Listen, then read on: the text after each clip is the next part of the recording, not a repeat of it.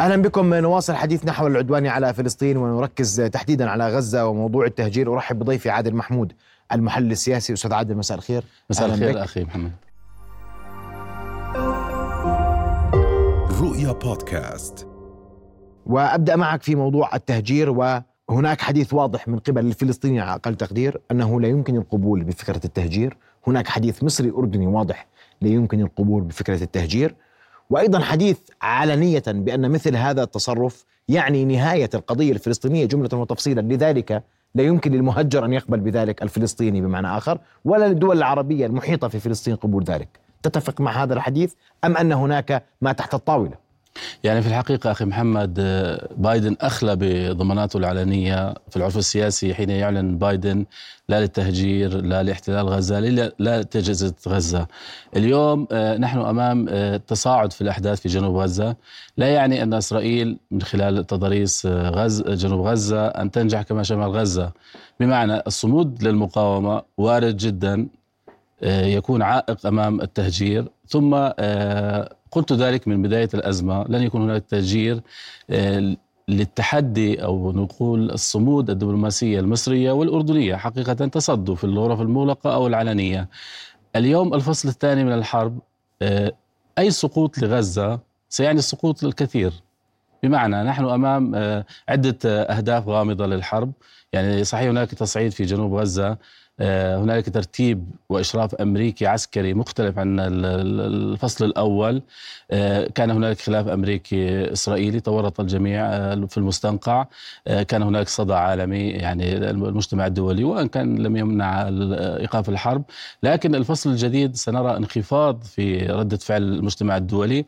ولكن فشل لإسرائيل عسكريا في الفصل الثاني من الحرب.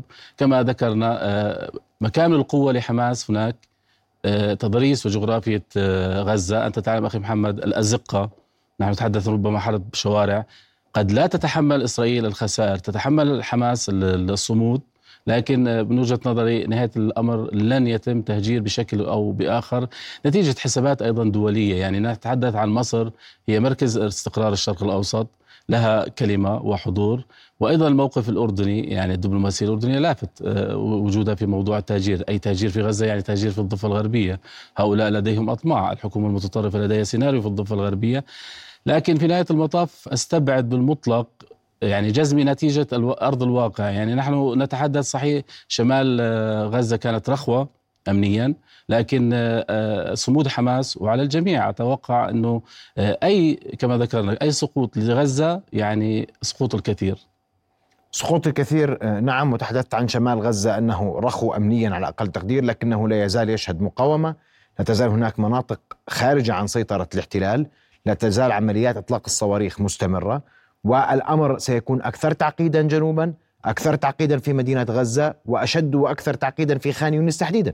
بالضبط أخي محمد من الناحية العسكرية الميدانية إلى الآن نحن نتحدث آه، عن هجوم بري هو يقال الثالث. أنا أقول الفصل الثاني من الحرب يعني دخلت عليه صحيح آه، بريطانيا لكن لا يعني الهدف غزة دخلت عليه الولايات المتحدة من ناحية رسم البيان كقتال. كان هناك خلاف الجمعة والسبت.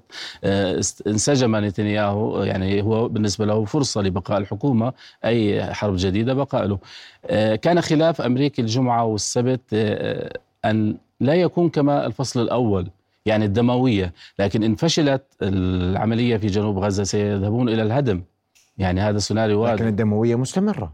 يعني هذا الأمور لم تقل. قيد أنملة عما كان في المرحلة الأولى ما قبل الهدنة إن صح لكن هذه حرب مجنونة. يعني أنا أقصد في إذا فشلوا في تحقيق أهداف القضاء على حماس سيذهبون إلى الهدم أسوأ من شمال غزة.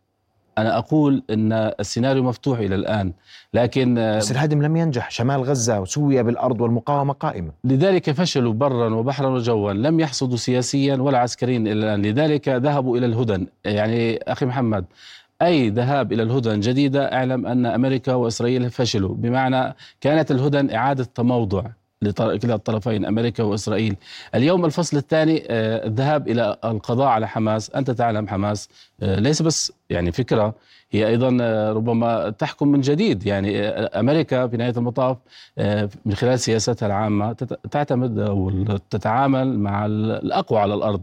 يعني ربما تعود حماس من جديد لكن الذهاب إلى تدمير غزة ككل وارد يعني ثقافة القتل من أجل القتل في السيناريو الأول واضح اليوم ان فشلوا عسكريا ولم يحققوا مرادهم آه، من خلال القضاء على حماس سيذهبون إلى الهدم الكلي. يعني لا آه، من خلال الحكومة المتطرفة أو الدعم لا أنت تحدثت عن هدنة أخرى. اليوم من يرفض الهدنة إن صح التعبير وإن صح سياسيا على أقل تقدير هو بيان حماس الواضح أنه لا هدنة اليوم دون وقف لإطلاق النار ولا عودة للاسرى لديها إلا بتبييض السجون وانتهى الأمر هم أغلقوا ملف المفاوضات عقب إغلاق الاحتلال لهذا الملف ودون توصل اتفاق ووضعت شروط جديدة لاتفاق هدنة. يعني أخي محمد الهدنة إدارة الملف الرهان أنا من وجهة نظري هنالك أخطاء لحماس.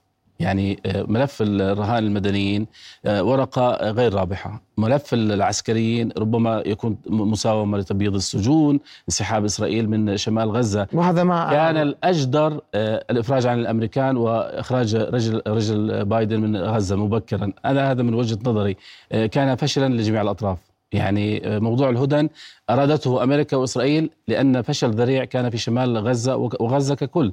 هنالك رفض في المجتمع الدولي. لموضوع الحرب آه، آه، موضوع المستشفيات المدارس الكنائس. هذا بالنسبة لي كان فشل ذريع لم يكن هنالك حصاد سياسي. اليوم الذهاب إلى الجنوب لن يكون نزهة لإسرائيل. ستكون هنالك مقاومة مختلفة بالمطلق. لذلك سيكون بشكل أو بآخر أي عودة من جديد لبايدن أو نتنياهو إلى أي سيناريو هدى. أعلم أن هنالك فشل ذريع كان في العملية العسكرية تتجه الأمور لمزيد من التصعيد عسكريا من وجهة نظرك اليوم. أم أن الأمور لا يمكن لي, على أقل تقدير الطرف آه، طرف الاحتلال احتمال المزيد من الخسائر واحتمال المزيد من المكوث داخل قطاع غزة.